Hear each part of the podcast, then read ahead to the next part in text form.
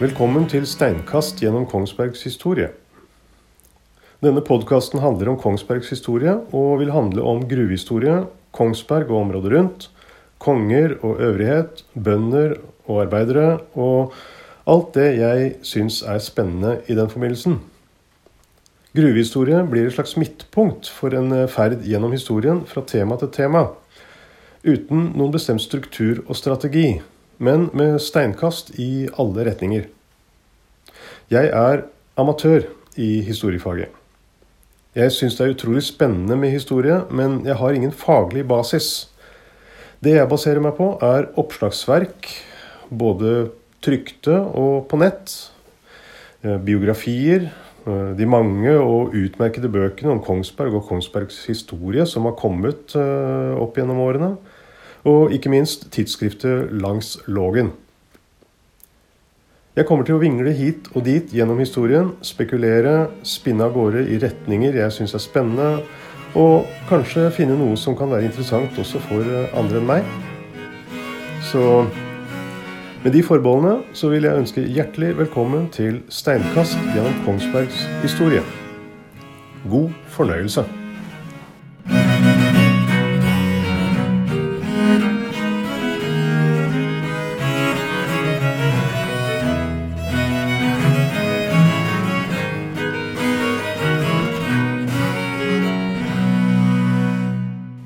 Episode 1 Arv og miljø. Jeg er fascinert av historie. Fortellinger og bøker om historie gir glimt av hvordan det må ha vært å være menneske før. Fortellingene fokuserer på et sted, en hendelse, en person, en slekt eller et helt lands historie fra de eldste tider. Det blir glimt som lyser opp hendelsene, og bildet av tiden og menneskene blir litt tydeligere for oss. Litt etter litt får vi et slags bilde av fortiden. Det mest fascinerende med historie er å prøve å koble sammen de små glimtene og se om de kan fortelle oss noe, og kanskje forklare oss noe vi ikke vet fra før. For eksempel Hvordan var det å bo i en liten stue ute på landet på 1600-tallet? Familiene på den tiden besto gjerne av mor og far, flere barn i forskjellig alder, og kanskje én eller flere besteforeldre og andre nære slektninger. Stua hadde sannsynligvis jordgulv, et ildsted midt på gulvet og et hull i taket for å slippe ut røyken fra et bål. For å kunne brenne et bål innendørs uten at de som bor der blir kvalt av røyk og avgasser, må det være en viss tilførsel av luft. Utette vegger hjelper, men i tillegg så må dører og kanskje også noen vindusglugger holdes delvis åpne. Om vinteren blir det nok øh, vanskelig å holde temperaturen innendørs særlig mye over 10-14 grader, så folk har på seg tjukke klær også når de er inne. Det sto gjerne en seng i, i to av hjørnene i stua. Og den typiske senga fra 1600-tallet ble kalt for hvile, og er kort og høy. Og selv om befolkningen på 1600-tallet var kortere enn oss, så er det umulig å legge seg ned og strekke ut beina selv for deg i en sånn seng. Hvis du skal sove, så må du enten sitte og sove eller krølle deg sammen til en ball for at, eh, og for at alle som bor der, skal få plass, så må alle ligge tett inntil hverandre og dele senga. Unger, foreldre, besteforeldre, tanter, onkler Alle som bor i stua. Det hele lignet nok mer på en flokk med hunder som har klumpa seg sammen for natta enn uh, køyesenga på barnerommet og dobbeltsenga inne hos uh, mamma og pappa. Fysiske forhold forteller oss noe om hvordan det er å være til, eller hvordan det var å være til før i tiden. Historien handler om hvordan vi har tilpasset oss naturen rundt oss, og hvordan vi har overlevd. Og Dette her er en liten innledning om natur og forutsetninger for de som har bodd i området rundt det som i dag er Kongsberg. De aller fleste av de som har bodd i Norge opp gjennom historien, har levd av jordbruk og fiske. De første menneskene som kom hit etter istiden tok slutt for omtrent 10 000 år siden, var jegere og fiskere. Kysten langs landet er lang og full av rike fiskeplasser. Og i de skogene som etter hvert vokste opp etter isen, og som strakk seg fra kysten og innover i landet, så kom det med tiden store mengder av vilt, og oppe på viddene, øh, høyst oppe på høyfjellet, så streifet det store reinsdyrfolker. Siden øh, jordbruket kom til landet da, for uh, ca. 6000 år siden, helt i sør, så har vi vært bønder og fiskere.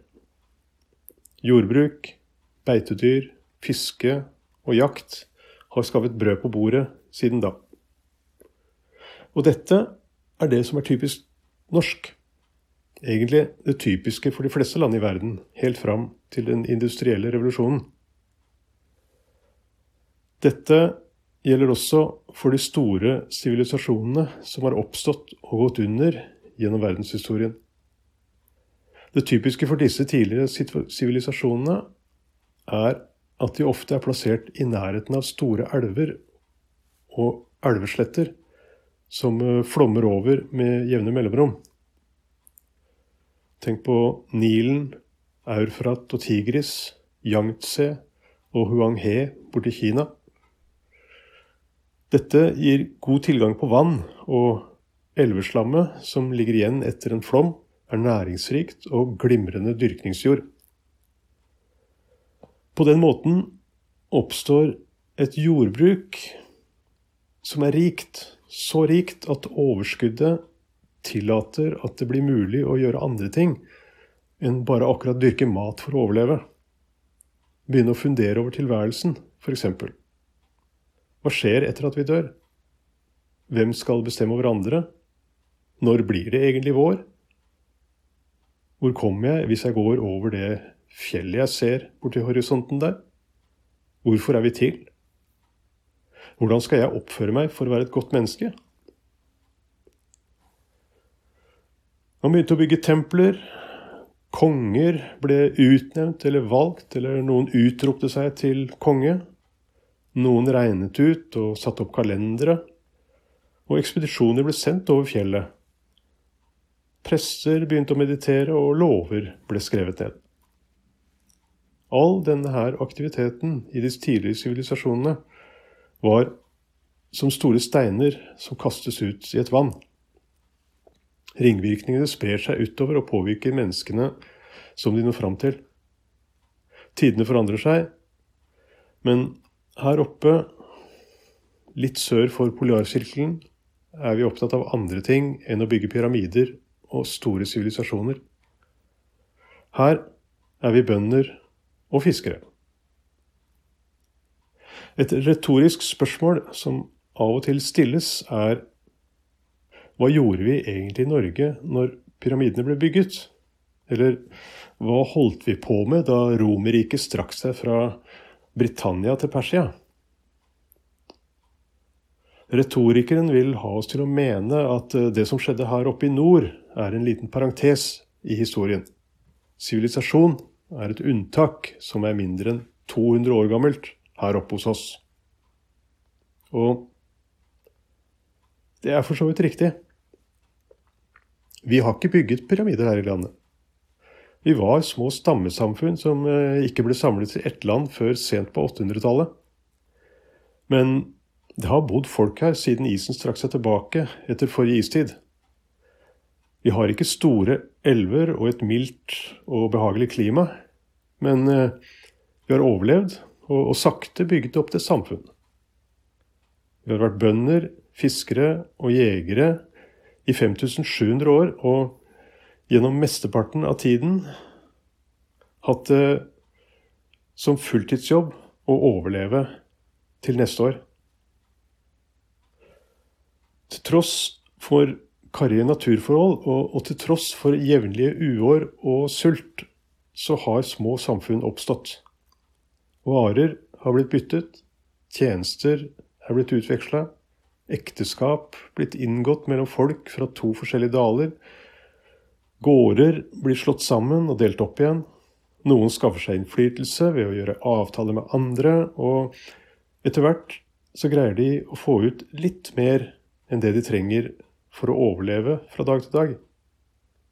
Og etter hvert kan vi også begynne å fundere på de store spørsmålene her oppe i nord. Hvem er jeg? Hvor kommer jeg fra? Hvor går jeg hen? Hva skjer etter at jeg dør? Er det noen som vil huske meg? Fortellinger blir lagd og satt sammen til historier, og historier samles til sagaer. Og det sagaene forteller om, det er hentet fra kjente miljøer og hendelser for de som skrev dem. Det var viktig å formidle historien om herskerne, og, og dermed ble det de historiene som ble fortalt og gjenfortalt. Vanlige menn og kvinners hverdag på gårder og fiskebruk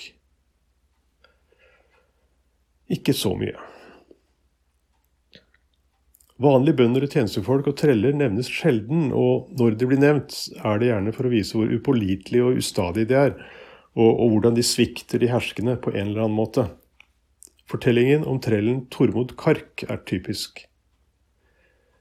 Sagaen forteller at han, upålitelig trell som han er, skjærer hodet av Håkon Jarl, herren sin, under plankene i Grisebingen, når de gjemmer seg der for Olav Tryggvason.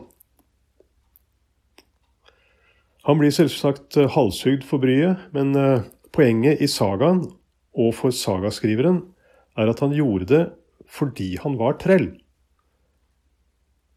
Og treller, de kan man ikke stole på. Store hendelser blir husket, mens de små hendelsene i hverdagen for gjennomsnittsnordmannen fort glemmes. Med kristendommen begynner kirke og øvrighet å dokumentere dåp, konfirmasjon, bryllup, begravelse, forbrytelse og straff. Men det skjer først fra tusentallet og framover. Og det som skjer innimellom merkedagene, hører vi fremdeles sjelden noe om, selv om vi nå har fått mye bedre informasjon om hva som skjer med også de vanlige innbyggerne. Så fortellingen om hvordan folk levde i Numedal fram til Kongsberg ble grunnlagt, den er dessverre ikke skrevet. Sagaen finnes ikke. Det er ikke noen saga om livet langs Lågen. Det finnes kirkebøker og rettsprotokoller, men det blir mye spekulasjon og gjetting ut fra de få kildene som vi har. Det fins kanskje likevel enkelte små glimt som kan lyse opp litt og fortelle om hvordan det var å bo her i gamle dager. Og som sagt, grunnlaget for historien her er hvordan vi har tilpasset oss naturen i området.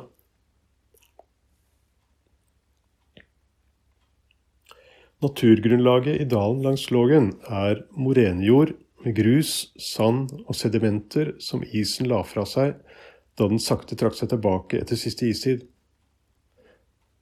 Busker, trær, mose og alle andre planter begynte å voksne, visne, dø og bli til næring for nye generasjoner planter, og elva har tatt med seg og avsatt næringsrike banker av mudder og sand nedover dalen i tusenvis av år. Lågen har kildene sine på Hardangervidda og renner ut i Oslofjorden ved Larvik. På veien nedover mot havet så renner elva mange steder gjennom et trangt skar, før dalen blir flat og vier seg ut. Lågen flyter i buer og brede svinger på den flate dalbunnen et lite stykke, før dalsiden igjen trenger seg på, dalen blir trangere, og elva fosser gjennom på nytt. Bare for enda en gang å vide seg ut i en ny, flat dalstrekning. Det er der dalen er bred vi finner de brede moene med næringsrik jord. der det har vært dyrket mat i tusenvis av år.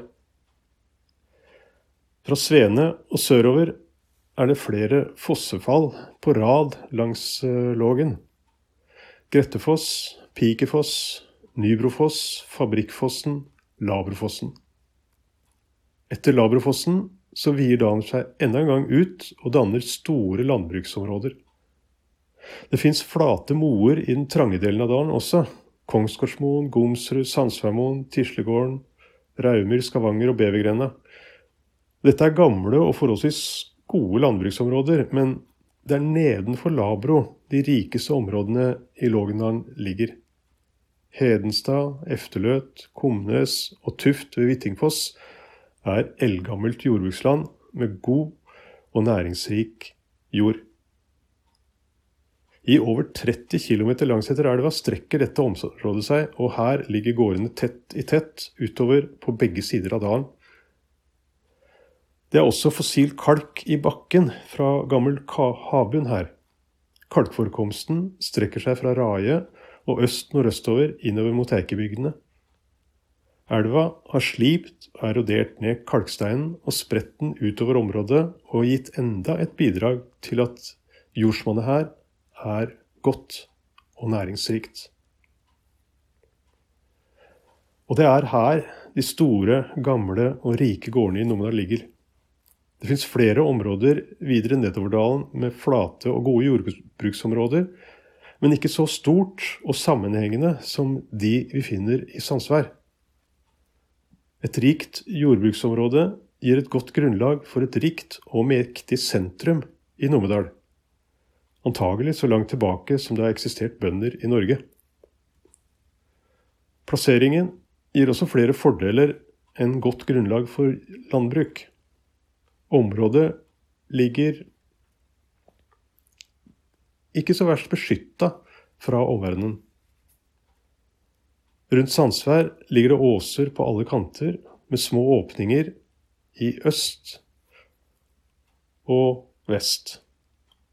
Mot øst kan man komme seg til Eikebygdene, enten over Gamleveien, litt uh, for langt mot nord, eller Skollenborg og Hasselåsen. Nordover ligger Øvre Numedal, og sørover går veien ned til Vestfold. Mot vest er det en vei inn i Telemark, og en av veiene der er en gammel ferdselsåre som gikk til Skien. Alle disse åpningene er relativt trange og oversiktlige, så det er lett å holde kontroll med trafikk og varehandel. Og handelsvirksomhet har alltid vært en viktig del av næringsgrunnlaget her. For selv om landbruket gir et godt livsgrunnlag, så har handel og varebytte vært en del av det vi har drevet med så lenge vi har vært mennesker. Et rikt landbruk som genererer overskudd og en eh, passende geografi, legger godt til rette for handel her. Elver og fjell har alltid vært hindringer for folk på farten rundt omkring i Norge. Varer ble faktet på ryggen eller lastet opp på hester, så det var viktig å velge de letteste veiene med de færreste hindringene. Båter har vært i bruk i flere tusen år, og med båter blir fjorder og vann til brede ferdselsveier. De norske fjordene går fra havgapet og skjærer langt inn i landet, og flere store vann strekker seg fra sør til nord inne i det sentrale Østlandet. Innerst i fjordene er det kleiver og stier som leder opp på Hardangervidda, og der ligger også kildene til mange av de store vassdragene som renner nedover mot Oslofjorden mot sørøst. Den enkleste veien ned fra Hardangervidda er å følge en av elvene sørøstover, helt til man til slutt havner i området der de store markedene på Østlandet ligger. Viken-området, dvs. Si Oslo-området, var et knutepunkt for handel både sørover og videre østover. Etter at langskipene ble perfeksjonert på 700-tallet, og nordmenn etablerte seg på de britiske øyene, begynte en varestrøm å gå ubrutt fra England, Irland og Skottland over til Vestlandet og fjordene, over fjellet og Hardangervidda, sørøstover, nedover elvedalene, ned på det sentrale Østlandet og videre til kontinentet og Danmark, Sverige, Østersjøen og Russland. Veiene over fjellet var en sentral del av dette handelsnettverket, og med et felles navn så kaller vi dem for nordmannsslepene. Disse veiene har vært i bruk lenge, og de har vært viktige for folk i dette området i flere tusen år. Over vidda og ned på Østlandet er det mange forskjellige veier og tråkk. Vanligvis teller vi tre store sleper over fjellet. Den nordre nordmannsslepa går fra Sogn over vidda ned Hallingdal og havnet ø, i opplandsområdet med Ringerike, Drammensområdet og Viken. Den store nordmannsslepa gikk fra Hardanger og kom ned i Uvdal, og fortsatte enten over til Hallingdal eller ned Numedal. Mens den søndre nordmannsslepa, som også begynte i Hardanger, kom ned i Vegli, før den også fortsatte sørover Numedal i retning Vestfold og Skien. I enden av Numedalen, der Lågen renner ut i fjorden, der hvor Larvik ligger nå, så lå en av Norges første byer, Kaupang, i Skiringsal. Byen ble etablert en gang på 800-tallet og var en av de største handelssentrene i Norge på den tiden.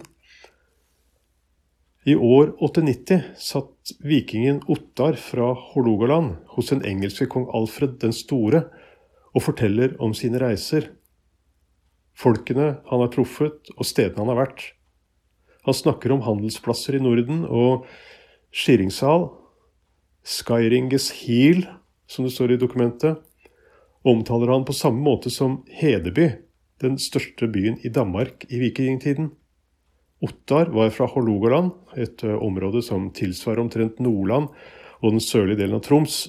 Så når Ottar omtaler Skiringsal slik, så er det tydelig at stedet var en viktig handelsplass for ham. Nordmannsslepene knytter altså det vestlige Norge til Østlandet, og mye tyder på at kontakten mellom øst og vest har vært tett og aktiv.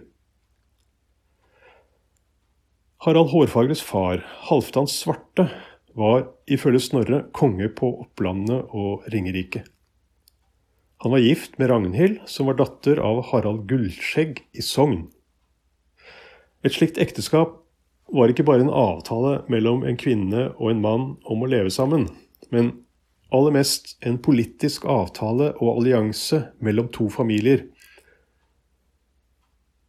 Halvdan var konge på Ringerike, og han, sammen med familien hans, inngikk en allianse med sognekongen og hans familie gjennom dette ekteskapet.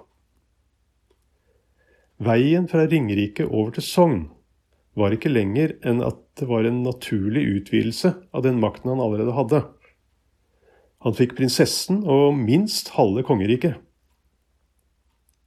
Sønnen til Halvdan og Ragnhild ble oppkalt etter bestefaren, og ble sendt til fostring hos ham i Sogn. Så, i 858, så går Halvdan gjennom isen på Tyrifjorden på vei hjem fra gjestebud i Hadeland. For å sikre at kongedømmet ikke går i oppløsning, så blir et følge av krigere sendt over fjellet for å hente sønnen. Ferden går fra gården Stein på Ringerike opp Rangsfjorden til Valdres og vannskillet ved Filefjell og ned i Sogn. Dette her hender tidlig på vårparten, men allikevel så bruker de ikke mer enn fem dager på en tid på året da vinteren fremdeles holder et solid grep i fjellet. Det forteller oss at veien over fjellet var atskillig raskere enn å seile fra Viken og Oslo rundt Lindesnes, selv på vinteren. Og det er ikke vanskelig å tenke seg at denne ruta har vært mye brukt resten av året også. Sagaene, de eneste kildene vi har til Harald Hårfagres liv, plasserer ham som konge i det sentrale Østlandet, Viken og Vestfold, eller aller helst sentralt på Vestlandet i Sogn. Harald Hårfagre har vært beskrevet som en vestlandskonge som ikke hadde noen betydning for Østlandet og Viken, men Med nordmannsslepene over fjellet som en aktiv og tett forbindelseslinje mellom øst og vest, blir Østlandet en naturlig del av det kongeriket Harald arvet etter sin far og morfar. Det omfattet antagelig betydelige områder både på Østlandet og Vestlandet, og handelsrutene gjorde at han hadde tett og god kontroll med arven sin. Et så stort kongerike er et godt utgangspunkt for det store prosjektet han etter hvert begynte på, prosjektet å samle hele Norge til ett rike under én konge. Varer fløt altså fra vest til øst over slepene, og det har de nok gjort i tusenvis av år. Fra lufta i lavt sollys så er det fremdeles mulig å se smale skygger etter slepene over Hardangervidda, der vandringsveiene har gnagd seg ned i landskapet. Som nevnt kommer den søre nordmannsslepa ned fra fjellet øverst i Numedal ved Vegli. I dette området så fins det et stort felt med gravhauger fra jernalderen, noe som tyder på stor aktivitet i området, og at folk her har vært relativt velstående. Det er få og små gårdsbruk i området, så de store inntektene må ha kommet fra handel mellom øst og vest. Fra Veggli gikk veiene nedover dalen helt ned til Hedenstad, og herfra er det forbindelser i mange retninger. Mot øst ligger Eikebygdene og en del av trekanten fra Ringerike og Tyrifjorden ned til Tranby og Lier til Drammensfjorden og tilbake til Eiker. Her ligger det rike jordbruksområder hele veien, og området har gode forbindelseslinjer inn til det indre Østlandet og ned til fjorden og handelsområdene i øst og sør. Mot vest går den gamle veien gjennom Langerudalen, som kommer ned i Nedre Telemark og Skien. Igjen er det godt med jordbruksland her, og dessuten fins det gode havner og gamle handelssteder ved fjorden. Mot sør Nedover langs Lågen kommer veien ned til Larvik og Tønsberg-området. Ned til Ottars skiringshall, en av de viktigste og største handelsbyene i Norge i vikingtiden. Vareflyten fra Vestlandet over til Veggli, nedover Numedal, gjennom Sandsvær og ned til fjorden ved Larvik må ha vært stor og jevn. Hedenstad er perfekt plassert for de som hadde makten i Sandsværområdet, og inntektene fra handelen var sannsynligvis stor. Det er nok ikke tilfeldig at det fins to steinkirker fra middelalderen her, Hedenstad og Efterløt kirke. Rikt jordbruk, lang tradisjon for handel, området der Kongsberg senere ble grunnlagt, var ikke noen liten og fattigslig bygd i utkanten av Norge. Selv om det aldri hadde blitt funnet noe sølv i åsene nord for området, så hadde det antagelig kommet et tettsted eller en liten by her. Men det gikk ikke slik. Buskapen ble gjetet ut på beite i åsene, og en okse skal visstnok ha stanget i bakken og vært grunnen til at historien for stedet tok en helt ny vending. Du har nå hørt første episode av Steinkast gjennom Kongsbergs historie. Hvis eh, du syns dette var interessant, så vil jeg anbefale episode to ekspresstog gjennom gruvehistorien, der jeg oppsummerer over 40 000 år med gruvedrift i løpet av en halv time. Takk for oppmerksomheten.